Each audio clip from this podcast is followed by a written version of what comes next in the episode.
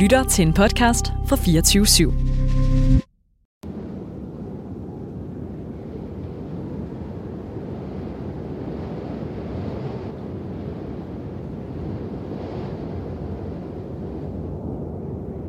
Kun sneen gør det muligt at se noget. Det er kulsort. Du befinder dig i 65 minusgrader. Du kan næsten ikke bevæge dig på grund af tykke lag af rensdyrpels, som du bærer rundt på, og den meterhøje bløde sne. Du hører noget bag dig. Er det virkeligt? Eller er det noget, du forestiller dig? Du er mager. Selvom du spiser rensdyrkød og fedt hele tiden, kan din krop ikke følge med. Din forbrænding banker afsted i det kolde vejr. Klimaforandringer er ikke noget nyt. Det er et vilkår, mennesket altid har levet med. Hvis vi spoler tiden 20.000 år tilbage, var det meste af Danmark dækket af is. I dag er klimaforandringerne også på nyhedernes dagsorden. Men i stedet så taler vi om vandstigninger. Men hvis du spørger mig, så det som jeg frygter ud i fremtiden, det er, at isen er på vej. Det er bare et spørgsmål om tid. Jeg er sikker på, at vi er på vej ind i en ny istid. Normalt går der cirka 10-12.000 år, inden isen igen begynder at vokse frem. Og det passer sådan set meget godt med nu. Isen kommer. Men jeg er egentlig også ret nysgerrig og måske mere spændt på, hvad det ville ske, hvis nu at isen kom her til Danmark, og vi skulle overleve. Vil jeg overhovedet kunne overleve en ny istid? Kan du? Har du fysikken til det? Har du evnerne til at tænde et bål, når du fryser? Kan du håndtere et våben, når faren trænger sig på, eller du er sulten og bliver nødt til at tage din buerpil og gå ud og skyde et dyr for at kunne overleve? Vil frygten lamme dig, eller vil det gøre dig stærkere?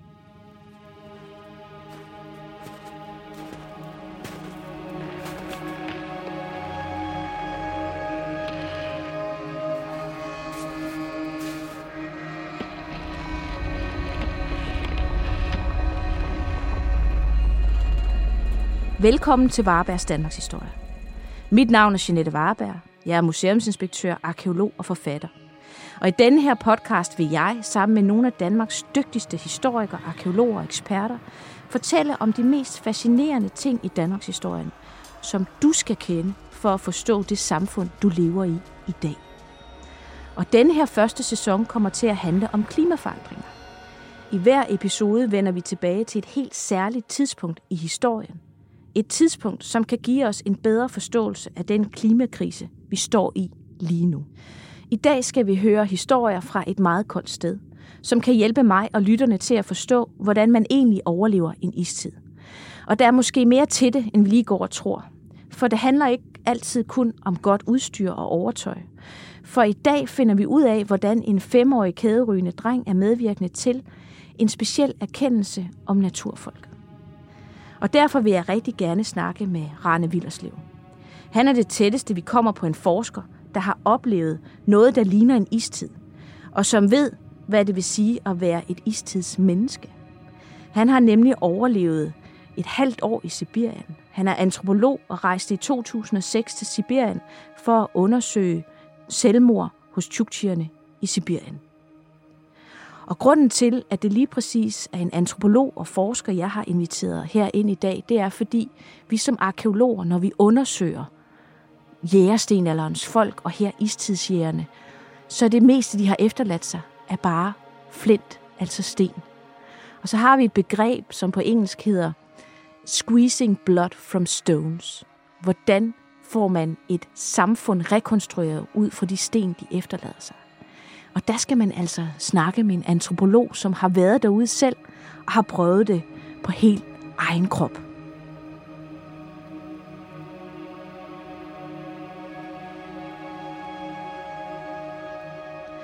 Rane Villerslev, jeg har jo inviteret dig i studiet. Velkommen til. Ja, mange tak. Rane, du er jo antropolog, og mm. ekspert i de her arktiske folk. Mm. Og derfor er du også inviteret med i dag, øh, for ligesom at hjælpe mig til at forstå, hvordan istidens folk kunne have overlevet den her ekstreme kulde, som vi jo ved har været også i Danmark for 20.000 mm. år siden. Mm. Og vi ved, der har været mennesker for måske 15-13.000 år siden. Øh, men nu handler det om din rejse, Rane, så prøv at tage os med tilbage til år 2006, hvor du tager på en ekspedition øh, og forbereder dig egentlig på at, at leve i en verden af is. Hvor mm. tager du hen, og hvorfor? Jamen, jeg, jeg, øh, jeg er meget interesseret i, i det her spørgsmål om, hvorfor er der sådan en stor eller høj selvmordsprocent blandt øh, arktiske folk øh, generelt. Øh, og, øh, og så tager jeg til det nordlige Kamchatka ved grænsen til det, der hedder Chukotka, som er den yderste, yderste punkt i, i, i Rusland, i er Sibirien. Det, er det den her halvø, man ja, kan se det er den på? her halvø, men så skal man helt op for enden. Altså, det er ikke nede, det er ikke nede på selve halvøen. Altså, halvø, halvøen fortsætter faktisk et stykke op øh, i, i, kan man sige, øh, i fastlandet, ikke? Jo. Og der, hvor grænsen går mellem øh, altså Kamchatka og så Chukotka, ja. der, øh, der har, har jeg tidligere besøgt øh, et samfund, et lille landsby, kan man sige, der hedder Achayvayam. Dem har jeg besøgt i 1992. Og det var nogle sovjetiske antropologer, der introducerede mig til det her sted. Øh, og det er ret unikt ved, at folk aldrig har været kristnet. øh, du ved, lever ekstremt traditionelt. Øh, og så tænker jeg, at øh, der vil jeg vende tilbage til for at prøve at besvare det her øh, svære spørgsmål om, hvorfor er øh, selvmordsraten så høj. Ikke? Øh, og man kan sige, øh, den måde, man arbejder på som antropolog, er jo ikke, at du så bare begynder at interviewe folk om, øh, hvorfor den og den har begået selvmord og så videre, men at du lever med de der mennesker, spiser med dem, sover øh, ligesom dem i deres telte, øh, rejser med dem og så videre, og så på på den måde får et slags, det man kalder sådan et slags holistisk billede af det her samfund og den her kultur, ja. hvor igennem du forhåbentlig kan besvare øh, dit spørgsmål. Ikke? Altså, nu er jeg jo ja. arkeolog, og ja. jeg har rejst sammen med antropologer. Ja. Altså, arkeologer, vi står typisk nede i et mudderhul ja. og knokler hele dagen, ja. og så kigger man op sådan på en veranda eller noget, og så sidder der en antropolog med en smøg og en notesbog. Ja, ja, okay. og det er sådan vores billede af antropologer. Ja, men det er rigtigt. Øh, ja, men det er rigtigt. Øh, men øh, tanken er faktisk den modsatte øh, i antropologien. Altså, der var en lang overgang helt op til begyndelsen af 1900-tallet, hvor antropologer øh, sad på verandager og, og, og, og skrev noter. Øh, men så kom ligesom øh, den moderne antropologis øh, kan man sige, øh, øh, faderfigur, en der hed Malinowski, og sagde, we need to get out of the long chair, som man sagde. Ikke? øh, og det var jo sådan den der Cambridge-stol der, læderstol, ikke? og vi må ud og leve med de her indfødte, og kun derigennem kan vi forstå, hvem de er. Og det er jo faktisk en meget god pointe, altså, og en meget vigtig pointe, det er jo, at hvis du vil forstå, øh, hvem de her mennesker er, så bliver du simpelthen nødt til at leve med dem, øh, og leve med dem i længere tid. Øh, så, øh, så det gjorde jeg jo så med de her Chukchi, og det var jo ganske strabaserende. Øh, de, er, de bor på tundraen, de øh, er rensdyrhyrder, har store flokke af rensdyr, øh, som konstant ligesom overvåges, fordi der kan komme ulve øhm, og, øh, og, og æde dem og så videre. Så det er benhårdt arbejde. Altså, de her mennesker arbejder non-stop. Øh, også om natten skal der være nogen på vagt, der sidder og passer på rensdyrene og så videre. Og så bevæger du dig over tundraen med slæder trukket af rensdyr. Øh, altså, og det er, nu er de her chukchi, de er kendt øh, kan man sige, for at have de største flokke af rener, men det er også de dårligst øh, tæmmede rener i Sibirien. Så det vil sige, dem, de her rener, du spænder foran af din slæde, de er ekstremt dårligt tæmmede, og det er altså ikke ligesom at køre en hestekær eller sådan noget. Altså, det er... Hvis du ikke øh, ligesom pisker dem virkelig hårdt, øh, så løber de bare i alle retninger. Øh, ja. ja, og når man nu snakker om rener, altså det ja. er jo, øh, hvis man skal have en sammenligning, så, mm. øh, er, så, så julemandens kane, der er de ja. her rensdyr ja. øh, spor, øh, øh, foran, og hvis ja. man så skal forestille sig ja. julemanden, der overhovedet ikke kan styre sin rensdyr. Det, det, det er noget af den dur, ikke? Det er noget af den dur. Men det, der øh, gør dem jo sammenlignelige med istidsmennesker, det er jo, at øh, altså, de lever i det samme klima. Øh, tundraen, altså der er ikke træer, der er, ikke, der er ingenting, og så er det jo også det, at at istidsmennesket levede jo faktisk primært af rensdyr, altså af vildrener, ikke? Mm. Og selvom de her øh, Chukchi og andre i Sibirien har såkaldt tæmmet renen, så ligger tæmningen primært i, at de i og for sig bare følger de her flokke af rener i deres naturlige bevægelse, og så med lasso fanger nogle af dem en gang imellem, kastrerer dem og spænder den foran en slæde, og så må man så håbe på, altså, at man kan styre den, ikke? Altså, så det er jo meget, altså livsstilen er på mange, må, på mange måder sammenlignelig med istiden, og det er tøjet også, som jo er rent rensdyrskin, ikke? Jo, mm. man kan også sige, at øh, er det ikke i det område, at de sidste mammutter jo. Øh, jo. levede jo. og uddøde? Jo, det var på en af øerne, nu husker jeg ikke hvilken, oppe i det østsibiriske hav, men ja. det er fuldstændig rigtigt, og der tror jeg, at det er sådan noget, var det, jeg husker det ikke med sikkerhed, men jeg tror, det var sådan noget, altså 3.000 år, eller øh, altså du ved, da man fandt de sidste, ikke? Jo, det var mens vi havde ja. bronzealder i Danmark. Ja, ja, det er helt utroligt, ikke? Jo, og de stadigvæk ja. har overlevet deroppe. Ja, og du finder jo også, altså på, når du rejser deroppe om sommeren, så øh, bryder floderne jo permafrost, altså per, alt er jo øh, ligesom fanget i en kappe af permafrost. Men floderne bryder nogle, øh, nogle af de her kapper op, og så vælter det op med, med mammutstødtænder og uldhåret næsehorn og vildhest, og altså i så kæmpe mængder, som man tror simpelthen, det er løgn. Og jeg selv bragt hjem Ja. Ma- øh, altså betragtelige mængder af mammutstødtænder osv. Ja. Det forstår jeg godt. Altså, man kan jo ikke lade det ligge der, men altså, hvis man fundet det i Danmark, har det jo været en verdenssituation. ja, øh, sensation, ikke? Ja, men det vidner om, hvor, hvor rig øh, den her mammutslætte har været i istiden, ikke? Ja. Altså, den, man har jo forestillingen om, at at istiden er et frygteligt klima, og øh, man lever på kanten af, hvad der er menneskeligt muligt. Men faktum er jo, at de der arktiske områder er meget, meget rig på højkvalitetsprotein. Ja. Og det har man også haft i istiden, ikke?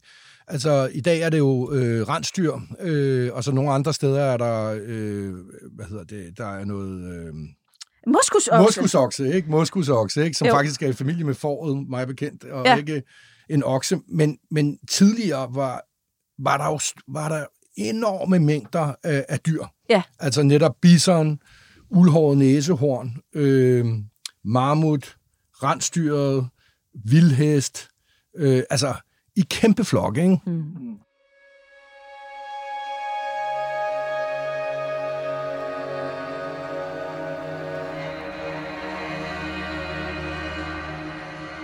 Når man så ser de her øh, scener for sig med, med de her folk, der lever i både istiden, men også tjukjierne, ja. som du var oppe og besøg, så noget af det, jeg tænker på, det er, hvordan har, har de klædt sig? ja. Fordi at øh, når man selv skal op i kulden, så har man jo ved ikke, hvor mange lag Gore-Tex og alt muligt ja. andet på. Ja. Men de klarer sig med naturmaterialer. Ja, ja, fuldstændig. Og, og deres, altså, de klæder sig helt grundlæggende i rensdyrskin.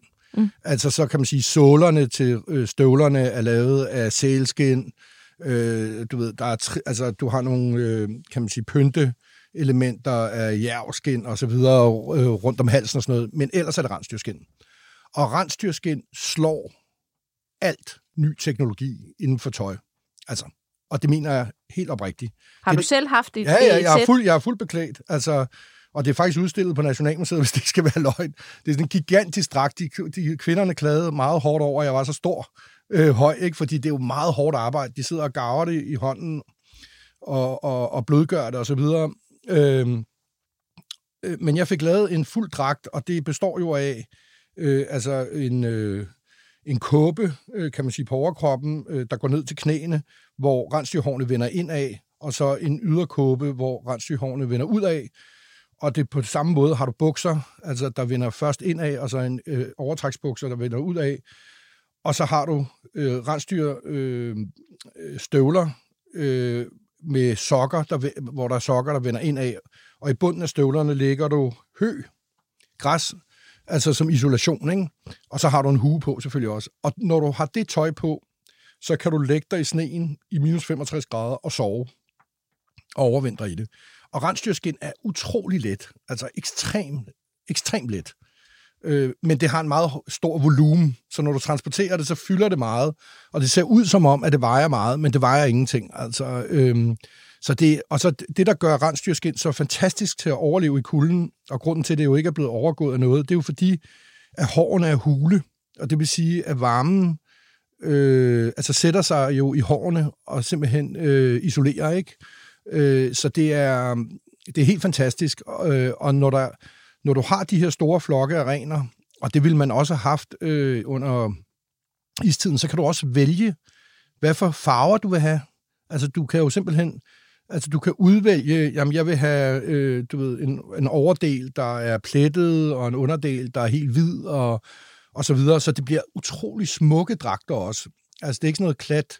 Øh, altså, du, hver gang man ser sådan en film fra istiden, øh, spillefilm eller dokumentarfilm, så skal det altid have sådan noget pjaltet øh, skin på. Den klassiske altså, det, hulemand. Ja, ja, ja. Altså, det er overhovedet ikke noget med at gøre. Det har været meget smukt, og de har kunnet udvælge det, og så har, der, har det den finesse, at når du syr med, med øh, senetråd, så i det, der kommer fugt, så trækker øh, scenen sig sammen, og det vil sige, det lukker af for vandet, ikke? altså i støvlerne for eksempel, ikke? som bliver vandtætte i det øjeblik, der, der kommer fugt til.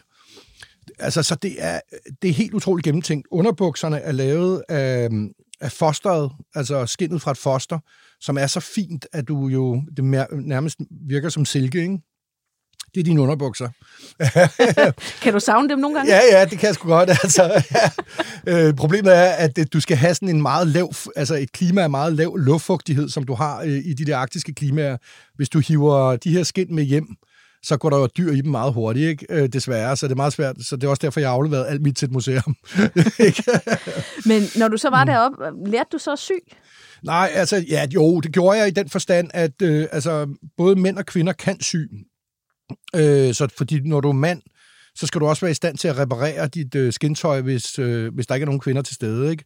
Så alle kan sy, men, øh, men ellers er det kvindens opgave, og det er ekstremt hårdt. Altså, og kvindernes øh, hænder, altså samme årsag, er jo fuldstændig kroget og bøjet, og de går jo nærmest i en trance, når de sidder og syr. Mm. Så sidder de og øh, nynner øh, mange gange på rød fluesvamp øh, for at holde smerterne ud, og så sidder de og nynner og går nærmest i en tranceagtig tilstand, imens de sidder og, og syr øh, tøjet. Ikke? Så sætter man virkelig også pris på sin dragt. Ja, det gør man. Ja. Øh, og hver person, ud over det tøj, du ligesom render rundt i øh, til daglig, så har hver person en dødsdragt, som du bliver iklædt, når du skal dø, altså når du er død, øh, og som bliver, man begynder at sy på øh, allerede det øjeblik, du bliver født. Men, men man må ikke færdiggøre det, fordi det er jo et udtryk for, at du er død, så du, der skal ligesom være tre dages arbejde tilbage. Okay. Men de smukkeste, Altså, det er meget svært at forstå, hvor ufattelig skønne de er, de der dødstrakter. Ja. Altså nogle af dem, ikke? hvis du har haft øh, nogen, der har været ja. til at sy. Ja. Altså det er tusindvis af timer, der er gået ind i små detaljer øh, af forskellige art, ikke? Øh, røde farver. Og, og når så en arkeolog åbner en grav, ja. så er der bare smuldrer ja. tilbage. Men nogle gange ja. har man lidt på fornemmelsen. Ja øh, at det har været så smukt. Ja. Men der er også noget af det her med dragt og kulde, og nu vil jeg lige tage dig lidt ud af, ja. af Sibirien, ja. fordi nu vil jeg ja. gerne snakke om en af mine absolut yndlingsserier. Ja. Og der er det, hvor man har den her sætning, Winter is coming. Nå, Game of Thrones. Game of Thrones, fedt.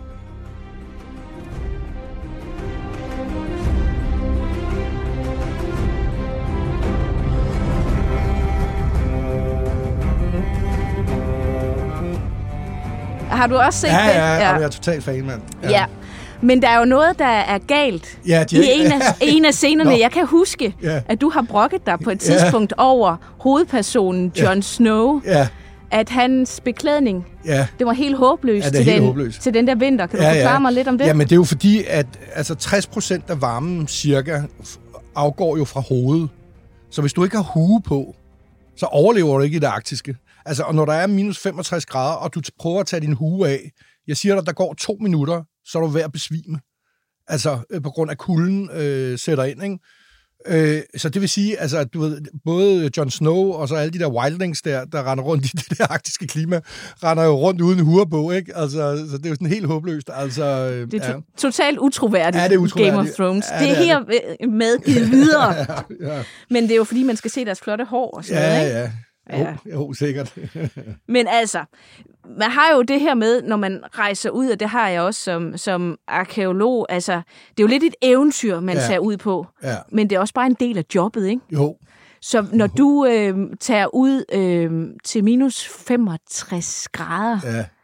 så, så tænker du ikke over det, eller hvad? Hvad er det, der driver dig derud? Ja. Øh, jamen, fordi det er jo en utrolig... Altså, det, det er der mange ting, der driver mig. Altså, dels er det sådan meget udforskede områder antropologisk, ikke? Øh, der er nok fordi, der er ikke nogen, der gider at tage derud. Øh, men, men samtidig er det jo et miljø, øh, hvor er man i starten, når man ligesom skal derud, så tænker man nemlig, det må være meget fjendtligt, det er meget svært at overleve, det ej, hvor er det frygteligt, og så videre, og så videre, ikke? Og så er den der med, ej, jeg skal ud og overleve i det her, ikke? Og, øh, men som tiden går, så bliver det jo ens hjem, og man øh, finder ud af, at det faktisk er en umådelig behagelig verden i, på mange måder at leve i. Altså, øh, det, der er udfordringen, er grundlæggende set ikke kulden, fordi hvis du klæder dig ordentligt på og, og ved, hvad du skal gøre for at overleve den, så er det fint nok. Der, hvor problemerne opstår, er faktisk om sommeren, fordi der er så sindssygt mange myg. Ja. Altså helt Føj. ufattelig mange myg, ikke? Og, øh, og udover det, så øh, smelter jo noget af sneen og, og isen og så videre, hvilket gør tundraen til et sumpet besværligt sted at operere, og der må man faktisk transportere sig med båd, øh, hvis man ligesom skal, øh, skal rundt. Ikke? Jo. Og det mest katastrofale tidspunkt i de her områder, det er jo foråret. Det er også der, du sulter. Fordi foråret er det sted, hvor at isen bryder op. Du kan ikke komme ud på vandet. Du kan ikke komme ind i landet. Og så sidder du, du sidder i og for sig bare og venter, ikke? Så det er sulteperioden, det er foråret. Ja. Men da du tog afsted ja. i, i 2006, mm. var det så vinteren, du tog? Ja, jeg tog, jeg tog, ja, øh, det gjorde jeg. Ja. Og, og der oplevede du jo også vinteren, sådan som jeg forestiller mig, den dybe istid, hvor det ja, har været rigtig, rigtig slemt. Ja, ja. Du har overlevet en, en snestorm også, Ja, ja. Jo, jo. Altså, jeg, jeg gjorde det, at jeg rejste rundt øh, fra lejr til lejr med en chukchi mand, som ligesom øh, stod for at holde mig i live, var jeg ved at sige. Øh, og vi sad så på hver vores rensdyrslæde og med proviant og så videre. Og så, så du har simpelthen styret et rensdyr ja, ja, ja, ja. Selvom det var umuligt? Ja, det var meget dårligt. Ja, men han sad også rystet på hovedet hele tiden, ham der. Altså, han måtte stoppe, og så mens jeg sådan kørte op ad en bakke til venstre med de der sindssyge rensdyr der, ikke? Øh, så sad han bare rystet på hovedet, ikke? Men, øh, men altså, så på et tidspunkt, der, øh, så kommer der en snestorm, og det gør der jo øh, øh, jævnligt i de der områder der. Og han tog det helt roligt. Altså, han gjorde det, vi stoppede øh, slæderne, han vendte slæderne på altså på, på siden, så den rensdyrene ikke kan løbe væk. Øh, og så tog han en, en spade, øh, og så begyndte han bare at grave. Og så gravede han et, et, et hul i sneen, var jeg ved at sige. Altså en lille, ja, øh, altså en lille biwak øh, på, ja, der var ikke mere end halvanden meter øh, bred eller sådan noget. Og så lagde han rensdyrskin, og så satte vi os der, og så lagde vi, du ved, en af vores, øh, øh, hvad kan man sige, rensdyrskindstasker ind foran af hullet. Og så sad vi der og ventede til, at stormen var over. Altså, og, det større, og det fantastiske er, er jo, at der bliver jo 0 grader inde i sådan en øh, snehytte der. Så vi havde ikke noget problem med at holde varmen. Vi sad jo i vores skindragter. Altså det, der var problemet, var mere, at man ikke kunne strække benene, så over tid, så begynder man at få ret ondt i sine ben. Ikke? Var det øhm. ikke også mørkt? Jo, jo, helt bælragende. Jo, jo. Så I sidder der i bælragende ja, ja. mørke, ja, ja. i 0 grader. Ja, ja. Du kan ikke strække benene ud. Nej, nej. Hvor er jeres rensdyr? Jamen, de står udenfor. De kan jo sagtens klare det. Altså, okay. de kan godt klare stormen der, ikke? Øh, og de kan ikke løbe væk, fordi slæderne er væltet på siden, ikke? Så de står stadigvæk sp- øh... Ja, de bliver så bundet til slæden, ikke? Jeg tror, ja. der er pokker, den prøver at stikke af med dig. ja, ja. Men, men, det, men det, der er interessant ved sådan en oplevelse, er jo i og for sig det, at du finder ud af... Øh, altså, det er nogle meget enkle ting, der skal til for at overleve i et højaktisk miljø. Altså det, det er, når kommer der en snestorm, så graver du dig ned. Du skal være klædt ordentligt på. Du skal forstå, hvor er det, dit, øh, altså, hvor er det du afgiver varme. Altså, det er hovedet, som jeg Husk nævnte. De... Det er fødder, og så er det ja. faktisk rigtig meget varme afgives her øh, ved øh, øh, håndledene. Okay. Altså, og der skal man jo have en særlig, så du skal have en, en håndledsbeskytter. Det er sådan typisk af, af hareskin. Altså, som du har, som gør, at når du tager lufferne på, så bliver der fuldstændig lukket af, ikke? Hmm. Øh, men det er jo sådan nogle ting, øh, du skal vide.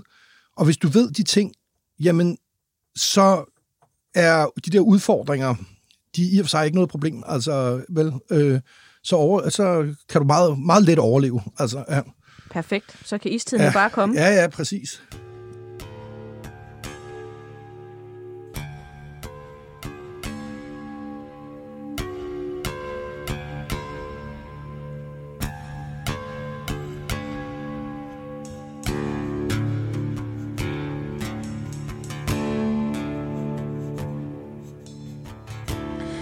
Men det her med, at du så tager ud, og, og, og det rent praktiske, du lærer at klæde dig ordentligt på, du ved, ja. hvordan du skal agere, ja. når der kommer snestorm, du ja. forsøger at styre dine, rand, dine, dine randstyre foran ja. din slæde, ikke? Jo. Men når du så oplever at være så tæt på naturen, og egentlig lære at, at vende tilbage til naturen, Ja. øh, og, og lære at overleve i den, øh, hvordan er det så at være, være der så længe mentalt? Fordi du kommer jo som et moderne storbysmenneske. Ja. Du kommer fra København Ja, ja, og Aarhus. ja, ja, Og så lige pludselig ender der ja. i en fuldstændig anderledes verden. Hvad gør ja. det med dig, som, som, både som, som forsker og menneske? Jamen, det transformerer jo en. Altså, det kan man jo ikke... Øh, og det er jo også meningen. Fordi tanken er jo, altså den, hvad kan man sige, sådan, den grundtanken i det der antropologiske pr- feltarbejdsprincip der, det er jo, at når du bor længe nok med mennesker, så begynder du at se verden, som Malinowski der sagde, han sagde, from the natives point of view. Mm. Det var måske lidt naivt, fordi dit, dit, dit øh, blik bliver jo aldrig en, en snydt kopi af den indfødtes, men du får et blik, som er væsentligt anderledes end det, du kom med, ikke? og som i den grad er formet og transformeret af den der indfødte verden. Så du begynder over at drømme ligesom dem, du begynder at tænke øh, tanker ligesom dem, øh, og mange af de ting, som du før øh, synes var eksotiske og mærkelige, virker helt naturlige.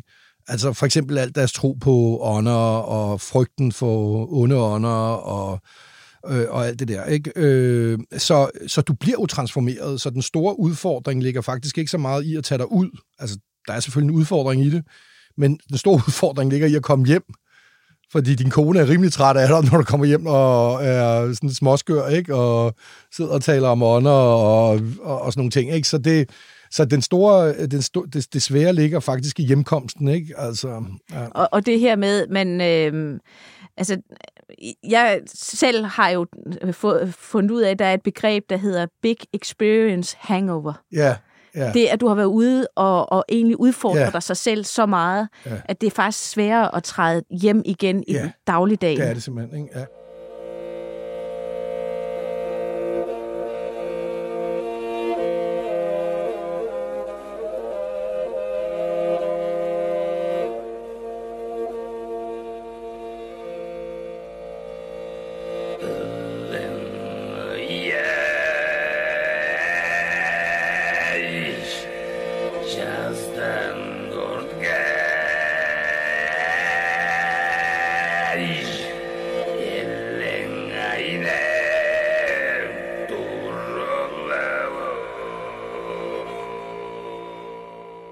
Men hvad har du oplevet, hvor du ligesom kom i kontakt med den her åndelighed, hvor du så det udspil for dig? Ja. Hvad, hvad har gjort indtryk på dig? Ja, det er der mange ting, der har. Men altså noget, der vidderlig var sådan meget overraskende, og, og også gav en meget vigtig indblik øh, i at forstå hele deres, kan man sige, spirituelle kosmologi, det var, at jeg på et tidspunkt kommer til en lejr, altså hvor der, det er jo stor, det er jo består af sådan nogle skintelte af rensdyrskin, ikke? Altså det er sådan meget eksotisk, altså du ved, der store skintelte, ikke? Af Jo, rensdyrskin. Lidt ligesom hvis man ser en cowboyfilm, hvor man ser tibier Ja, rundt om, eller dur, noget bare dur, ikke? i sne. De er så mere de er kuppelformede, de her, men ellers øh, passer det meget godt, ikke? Øh, øh, og meget store, altså store telte, der går altså rigtig, rigtig mange rener til at lave sådan et telt, ikke? Hvor mange bor der i sådan et? Jamen, der kan bo 20 mennesker, øh, og så har du nogle indertelte, øh, der også er lavet af ren, rensdyrskin, hvor du sover. Øh, og der, Så der er lidt privatliv, eller Ja, det kan man sige, men du opvarmer faktisk, altså fordi der ikke er noget brændsel jo, det er på tundraen, så har du en spæklampe bare til at, at ligesom i yderteltet der, til at lave mad på og sådan noget, men, men når du skal sove, så opvarmer du dit eget indertelt bare ved din kropsvarme, ikke? Okay. Men det kan du også godt. Altså en spæklamp, bare lige for at vi er med her, det er Ja. altså, hvor man fedt fra dyr, Ja. man brænder Ja, af, præcis, ikke? Ja. og det stinker rimelig meget, gør Ja, det? jo, det gør det. Øh, og i det hele taget er der ret meget, der stinker. Øh, altså, øh, men, øh, men i, den, i en af de der lejre der, så, så sad der en lille dreng på fem år i sådan en rens... Altså, der er sådan en bestemt, øh, hvad kan man sige, dragt for børn af rensdyrskin, hvor at der også er sådan en blæbuks på, så de, de har ikke blæer, men de har mos, så de kan ligesom tømme den der mosbunke ikke, og lægge ny ind. Praktisk. Så ham der knægten, han sidder her i den her blæbuks, og så sidder han bare kæderyger, ikke?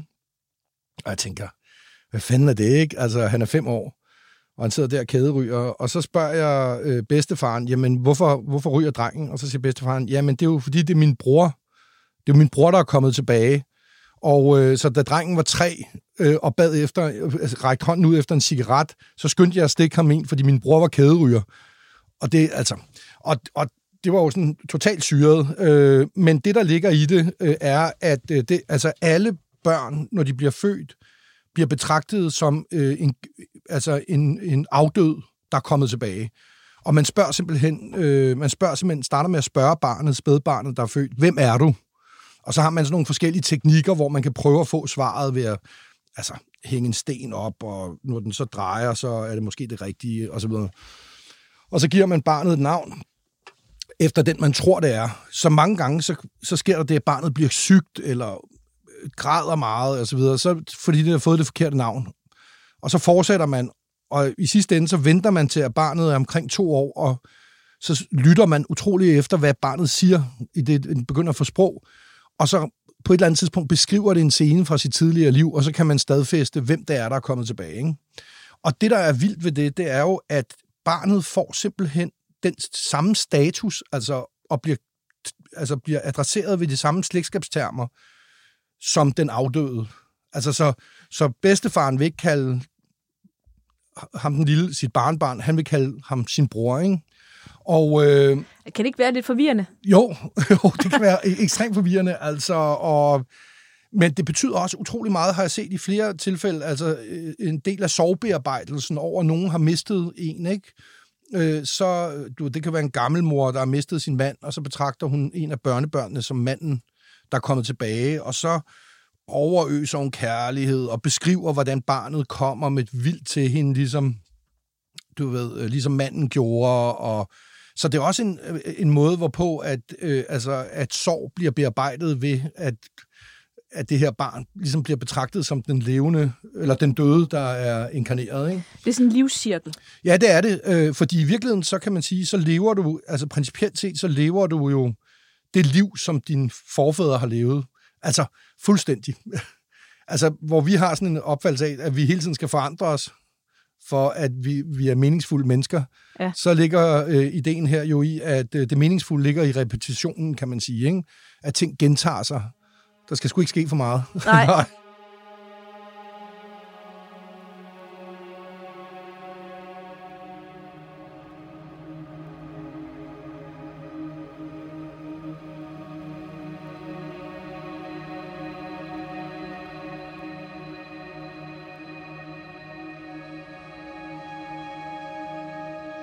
Men hvordan passer så, at du skulle også undersøge det her med ja. Øh, selvmord, ja. eller den, ja. den frivillige død, død ja. har du også snakket om. Ja. Kan du prøve at komme lidt ind ja. på det? Ja, fordi øh, altså jeg startede egentlig ved at, at tage ud for at prøve at forstå de her selvmord, men blev meget optaget af det, man kalder frivillig død. Og, og det var sådan noget, som er beskrevet i de gamle etnografier fra tjuktjerne i slutningen af 1800-tallet, ikke?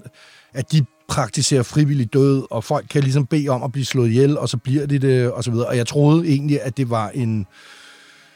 Altså, jeg troede, det var en slags skrøne, øh, kan man sige. Men ret kort efter, jeg ankommer til, sted, øh, til området, så er der en ældre mand, der går rundt og siger, send mig til den anden side, behandl mig som et rensdyr. Og jeg ser alle, en gruppe af kvinder, der sidder og syr hans dødstragt. Og så får jeg at vide, at dagen efter, at han har hængt sig selv. Men da jeg og det tror jeg så i lang tid, øh, men, men efter, øh, i takt med, at jeg kommer tættere og tættere på de her mennesker, og de også stoler på mig, så afslører de jo, at han har ikke hængt sig selv. Han har bedt om at blive slået ihjel, og er blevet slået ihjel. Øh, og det er faktisk... Og det er jo strafbart. Det er den måde, ja, og det er også derfor, de ikke tør, fordi der er faktisk en, der er blevet taget af de russiske myndigheder for at slå sin mor ihjel, ikke? Øh, så de tør ikke øh, sige det. Men og så går jeg jo ind i det her univers og finder ud af, altså, at øh, det er simpelthen en, altså, frivillig død er en blodoffring. Altså på lige måde, at du, du, du laver offringer af rensdyr, og du laver der hunde, og øh, blodoffringer, altså, hvor, hvor igennem du cirkulerer sjæle mellem forfædrene og, og, og selv. Altså opfattelsen er, at antallet af liv og sjæle er givet af et fixed number, kan man sige. Og det vil sige, hvis der er mange her, så er der få deroppe, og omvendt, ikke? Det er vel i virkeligheden også den her balance, man snakker om tipping point med klimaændringer Ja. ja. og kri- klimakrise, Ja. at man hele tiden skal have en balance i naturen. Præcis, præcis. Ja, men her kan man sige, at der er en balance af sjæle, ikke, øh, som du skal have. Øh, og, øh, og derfor er du også i et slags... Altså, forholdet til forfædrene er på den ene side positivt, og på den anden side... neg- Altså, fordi de er ligesom kilden til alt liv. Det er også dem, du offrer til, men negativt i den forstand, at de kan finde på at tage liv. Øh, og det er ikke sådan af grådighed eller sådan noget, og heller ikke nødvendigvis en økonomimetafor, men bare fordi de savner nogle af deres slægtninge, for eksempel, ikke? Altså, så kan de finde på at komme og tage dem. Øh, så du har sådan et red, altså du er også bange for de her, øh, du er bange for forfædrene, du er bange for de døde, og du er bange for den døde krop, øh, ligesom skal rejse sig og blive til en kæle, altså en ond ånd, der øh, konsumerer alt, alt omkring sig. Øh, men så pointen er, at når ældre, og det er primært ældre, der ønsker at dø, så, så det, der sker, er, når de har udsagt det, så har forfædrene hørt det. Altså, så der er ikke nogen vej tilbage. Og så starter man med at tage ham ind i teltet og sige, fortæl, hvor glad man har været for ham, og, og så videre, og give ham den bedste mad. Øh, og så forlader kvinder og børn øh, teltet, og så er det, øh, kan man sige, familieoverhovedets opgave i at slå ham ihjel med spyd eller kniv. Øhm, Det er alligevel voldsomt. Ja, det er meget voldsomt, og det er det også for de mennesker, det skal man ikke tage fejl af. Altså, du ved, det, det er ikke sådan, om det, så slår vi lige bedstefar ihjel. Altså, det er sådan, det er tyng, det, man man er tynget af det, men der er ikke nogen vej udenom. Og, og ældre mennesker, de bruger det også nogle gange som pressionsmiddel. Altså, nu, hvis, hvis børnene larmer og irriterer dem, så siger de, hvis du ikke stopper det der, sidder bedstemoren og siger, så det, bliver det dig, der kommer til at slå mig ihjel. Ikke? Altså, Den, den, er, den er hård at få at vide, ikke? Ja, ja. Men det generelt, kan man sige, har hele den der frivillige død jo ligesom blevet betragtet som et, altså ud fra sådan en rationel økonomitænkning om, at de der arktiske folk kunne ikke slæbe rundt på gamle og svage, og derfor måtte de dø, ikke? Og Men det er jo ofte det, ja. ja. som... Jeg kommer fra arkeologiens Ja. ja. verden, hvor vi egentlig tager, har antagelser om fortidens samfund ud fra det, vi kan måle og veje. Ja, Ja, det der præcis. rationelt og økonomisk, det vi kan forklare ud fra Ja. ja. logik.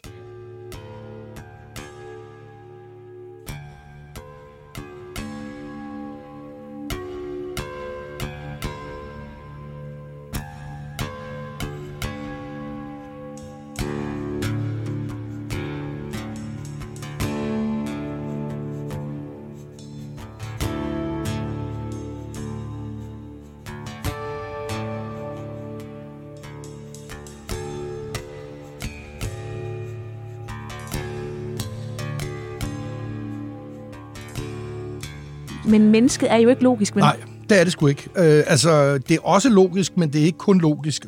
Og det, der jeg synes, der er interessant, det er jo, at man, altså, det er jo heller ikke for at sige, at det kan da godt være, altså, at det også tjener det praktiske formål. Øh, altså, at du ikke gider at slæbe rundt på en gammel. Men, men jeg synes, pointen er mere, at det, man ser i de der kulturer, og det ville det også have været i istiden, ikke, det er, at det, der er praktisk, pragmatisk, har også en spirituel dimension. Altså, ikke?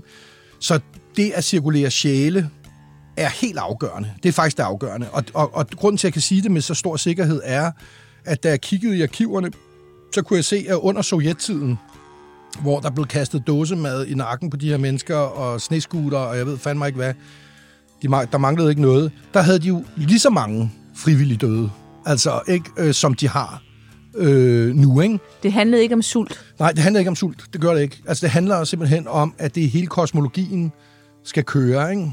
Øh, og øh, ja, øh, så, så det er meget... Øh, altså, der er den der, som du selv siger, der er jo den der tendens til, at jo længere tilbage i tid vi kommer, jo mere biologiseret gør vi mennesker. Altså, så handler det ren overlevelse. Det handler om, åh, nu skal vi have nogle kalorier, og, og alt bliver målt og varet. Men det fanger jo ikke, hvad istidsmennesket har været. Fordi altså, istidsmennesket har ikke generelt ikke haft problem med at få mad. Altså, der har været masser af dyr. Så de er jo, altså, og vi ved fra nutidens jæger samlere, at de bruger mellem 15 og 20 procent af deres tid på arbejde. Og de lever jo i de der ekstreme områder, ikke? Jo. Øh, Så resten af fritid. resten af fritid og, ja, og, og innovation ikke? Og, og sådan noget. Så istidsmennesket har brugt utrolig meget af deres tid på noget andet, end at slå mammutter ihjel. Ikke?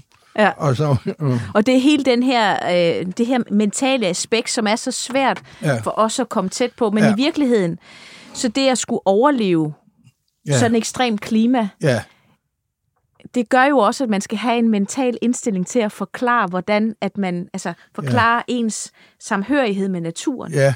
Og ja. det er vel egentlig de huller, mennesket prøver at udfylde. Ja, altså, altså personligt så tror jeg jo, altså hvis jeg skal være helt ærlig, at de der øh, øh, øh, øh ånder der, de, de, lever, de lever derude, fordi altså, det er jo i hvert fald den følelse, man har. Og det tror jeg, det, man behøver ikke at være sådan spirituelt anlagt for at få den følelse. I det øjeblik, du kommer ud på den tundra og kører rundt i det istidslandskab, som du selv øh, også nævnte i begyndelsen, jamen, så har du følelsen af, at den verden er besjælet. Altså, ikke? Ja. Jeg giver dig fuldstændig ret. Jeg er selv øh, rejst i Papua Ny Guinea, Ja. hvor åndetroen også er, er Ja. meget, meget tæt. Ja, Og der, havde jeg jo, der var jeg jo del af en udgravning. Ja. Jeg gravede forfædre op. ja. Det var, lidt, øh, det var lidt farligt, ikke? Ja. Så de gik og sagde, undskyld bedstefar, hver gang ja. de gik forbi mine knoglekasser. Ja. Og til at starte med, synes jeg jo, det var lidt sjovt. Men det Ja. endte jo med, at jeg selv sagde, Ja, undskyld. undskyld bedstefar, når jeg gik henover. Og jeg har jo også prøvet det her med, at jeg skulle hen og kigge i en hule, der lå på en ø, hvor vi vidste, der var knogler. Vi vidste bare ikke, hvor gamle de var. Nej. Så skulle jeg have adgang af den lokale høvding til at få lov til at komme op. Og jeg vidste jo, altså det var sådan, det var ude i Stillehavet, der ligger de her små øer, som er vulkandannet. Så ligger båden og banker op og ned, hvor du skal time det med at hoppe over ja. og lande. Ja. Og jeg er altså ikke den mest elegante opdagelsesrejsende i hele verden. Nej. Så jeg tænkte bare, det der var mit livs hop. Ja. Fordi hvis jeg lander forkert, oh, Gud. så vil han sige, det er ånderne, Ja. der siger, at jeg ikke må komme derop. Nå ja, gud ja, det er Så det er ja. det. Så jeg gik ind og lavede en undersøgelse i den her hule, hvor der lå menneskeknogler, Ja. mens han sad og, og, og simpelthen mumlede øh, bønder til Ja. forfædrene Ja. for at beskytte mig, Ja, og for at jeg havde tilladelse til at ja. gå derind. Ikke? jo. Men det kan jeg godt, altså det må jeg sige, det misunder jeg ikke arkeologer, det der med at grave forfædre op. Nej, Det er lidt scary, ikke? altså, jo, og de øh, siger også sådan, øh, sådan, jeg fik jo at vide, at nu, nu hang de jo fast på mig. Ja, Og så sagde jeg, prøv at høre, jeg har gravet, altså jeg har gravet øh, kirkegård og gravpladser og sådan noget. Der er mindst 100 foran jeres ånder, der står i kø bag ved mig. Og så kiggede I på mig med store øjne. Og så var der sådan en, en, en vis afstand til mig på det her. scary. Men, men i virkeligheden, så, så giver jeg dig fuldstændig ret, fordi jeg er jo ikke antropolog, jeg er arkeolog. Ja, ja. Og mit, mit job er jo egentlig ikke at sætte mig ind i, i nutiden. Nej, Mit, nej. jeg skal afdække fortiden. Ja, Men det smittede af på mig. ja, Og jeg ja. kan ikke lade være med at tænke, at den her åndelighed, du også beskriver, som jeg mødte i Ny Guinea, at det er den helt oprindelige. ja, det tror jeg også, der er. Helt Det, klart. det er Helt der, klart. når man skal overleve i naturen. Ja, Alt det andet ja, er sådan præcis. overbygninger, overtænkte ja, overbygninger. præcis. Ikke? Ja, og så også det, at det fylder jo ekstremt meget. Altså hele det der øh, spirituelle har en enorm stærk placering i de der samfund, ikke? og de bruger meget tid på det, og de bruger øh, meget energi på det. Øh, og det er jo også sjovt at tænke på i forhold til øh, altså de der teorier, som man normalt udlægger, ikke som om, at de lever efter mammutter hele tiden for at overleve. Ikke? Altså, det, det har ikke været istidsmennesket. Altså, istidsmennesket har jo været lige så altså, kognitivt identisk med os, kan man sige. Fuldstændig. Ikke? Øh, men deres verden har nok mindet meget om øh, det, vi beskriver her. Ikke? Altså, med at, øh, at naturen er besjælet. Ikke? Ja.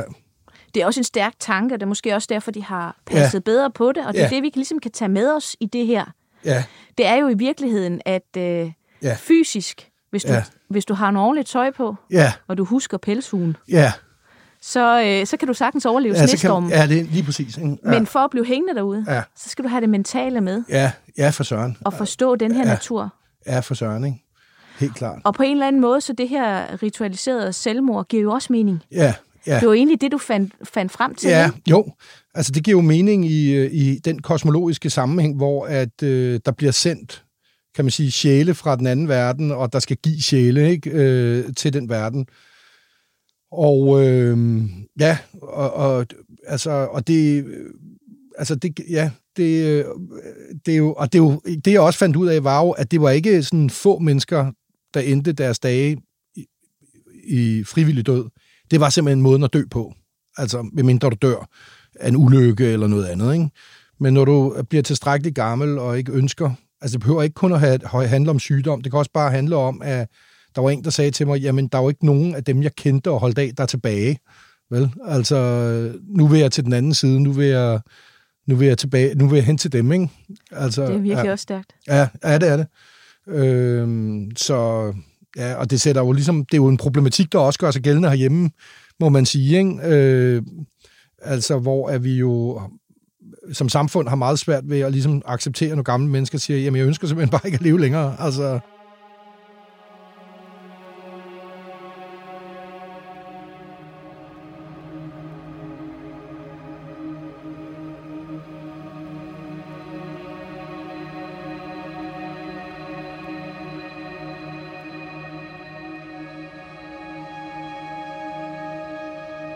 Så tænker du egentlig med det, du har taget med tilbage fra tundraen, ja. at du nærmest er et istidsvæsen?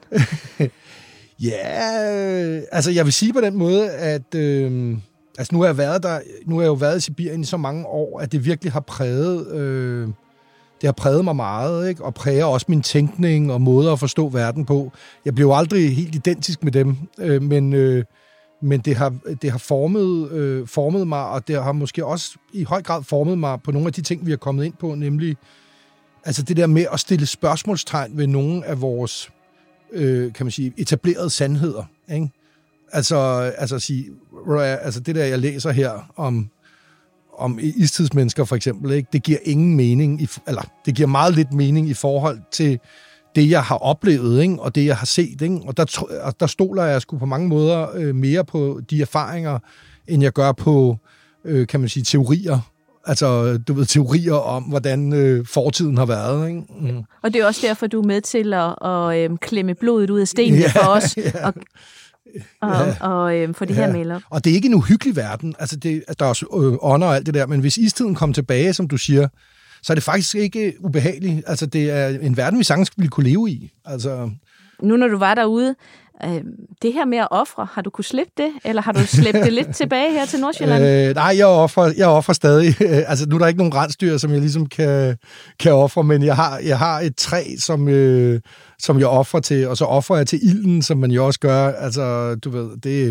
altså, det er meget enkelt. Øh, det er jo, altså, det er jo sådan nogle luksusvarer, som, som øh, ånderne ikke har, altså tobak, øh, vodka, øh, du ved, slik, øh, te, øh, den slags ting, ikke? Øhm, øh, og så træet er jo, en, øh, er jo som en dobbeltgænger, som kan træde ind for mig i, for, i, i sygdom og så videre. Og rensdyrhyrderne har faktisk en ren som dobbeltgænger. Altså, du ved, så tanken om, at du ligesom skaber en dobbeltgænger, tror jeg også er elgammel, ikke? For at snyde døden. For at snyde døden, ja. Så du snyder døden med de tre? Det håber jeg på. det håber jeg. det er jo egentlig et meget smukt billede. Ja. Øhm, jeg vil sige, øhm, jeg har jo lidt øh, en, en slagside over i, at, at jeg er arkeolog og har set mange øh, samfund bryde sammen. Yeah. Så jeg er jo det, man kan kalde en prepper. Yeah. Altså, da coronakrisen den ramte, så havde jeg jo alt Når i du min havde skur. alle og det hele. altså, min, min mand, han spurgte jo, har du været op og handle? Og jeg sagde, det var jeg sidste uge, skat. Vi har alt det, vi skal bruge. øhm, og, og jeg har sådan en idé om, at på et eller andet tidspunkt, så den økonomiske verden bryder sammen, så Ja. derfor kan jeg godt lide guld. Ja, Fordi det er lettere at, have, have, have, at købe sig adgang til nogle Ja. goder, når det hele bryder sammen. ja. Ja. Er du lidt ligesom mig? Er du en prepper? ja, det er jeg. Det er jeg. Øh, altså, jeg, jeg vil så sige, jeg, jeg er ikke gået så langt som at have, have lager og dåsemad og sådan noget, men jeg har mit gevær, og jeg har min bue og pil. Øh, Så må vi arbejde sammen, ja, når, det, når, ja, når er zombierne rigtigt. kommer, Når zombierne kommer, så, så ringer vi. Fuldstændig, ikke? Så skal vi, det, det er en rigtig god idé, altså. Men det er jo fordi, at altså, det, der, jeg har, det, der har formet mig, er jo, at jeg, jeg oplevede Sovjetunionens sammenbrud.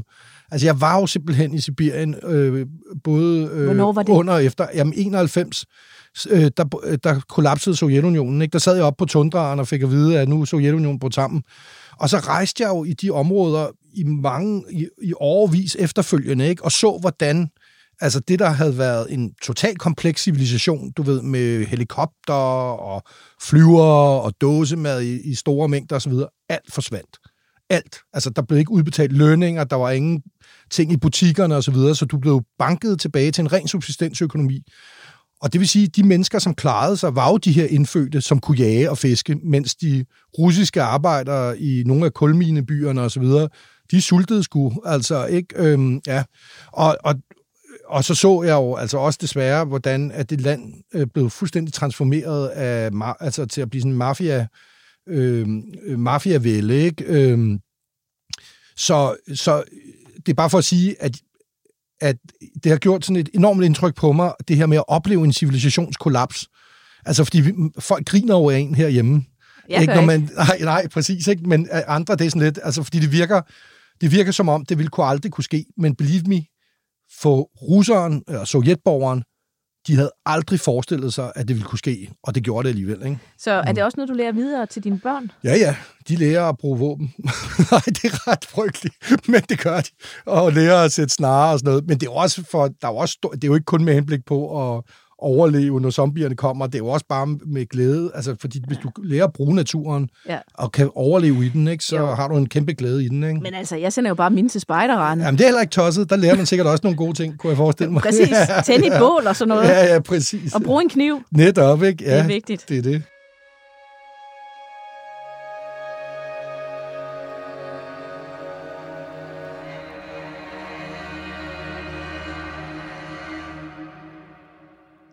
Hvis du skulle give tre gode råd til os, der tror, at istiden kommer, hvad skulle det så være? Øh, ja, tre gode råd. Øh, det er, øh, lær at klæde jer ordentligt på. Det er et, få et våben. Altså, det er jo ret væsentligt, at du kommer ikke mange vegne øh, uden våben. Og, og så vil jeg sige, øh, så lav sådan en, en, hvad hedder det, sådan survival kit, som du altid har på dig, der består af tændstikker, stormtændstikker, noget, øh, øh, hvad hedder sådan noget, øh, sådan noget wire, hedder det, ikke? Altså, som du kan lave, øh, øh lave øh, snare af, øh, fiskekrog, og, øh, hvad hedder det, noget fiskesnøre, øh, og noget gaffatape, og det er ligesom det, det er din survival kit, ikke? Det er de tre ting. Så kommer du meget langt. Spaden kan du lave. Ej, jeg vil sgu nok... Måske vil jeg skifte... Nej, det ved jeg ikke. Du skal også have en økse med.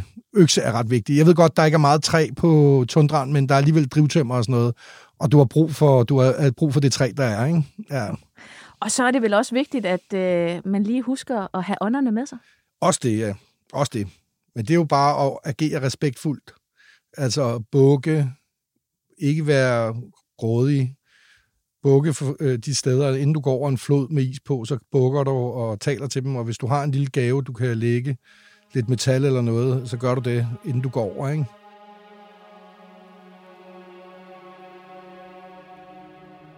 Perfekt. Ja. Så jeg har ikke øh, gjort dig bekymret for en ny istid. Nej. jeg ser frem til den. Det er lige før, at jeg også gør det.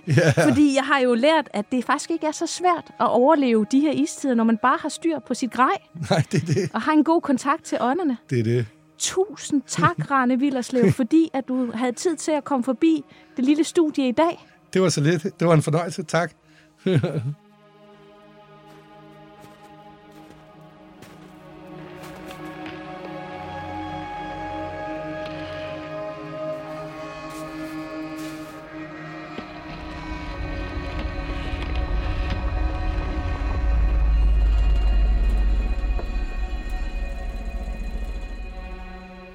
Mit navn er Jeanette Varberg, og du har lyttet til Varbergs Danmarks Historie.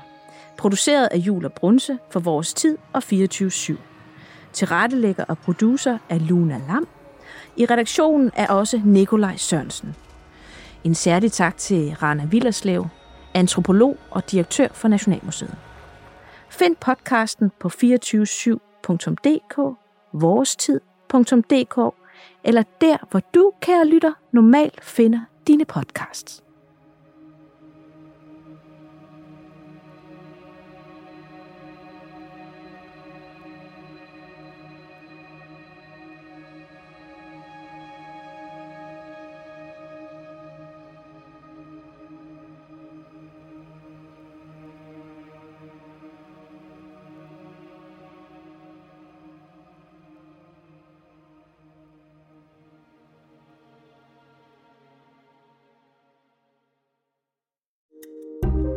Kære lytter, du har lyttet til et program fra 24 /7. Du kan finde meget mere modig, nysgerrig og magtkritisk taleradio på 24 7 appen Hent den i App Store og Google Play.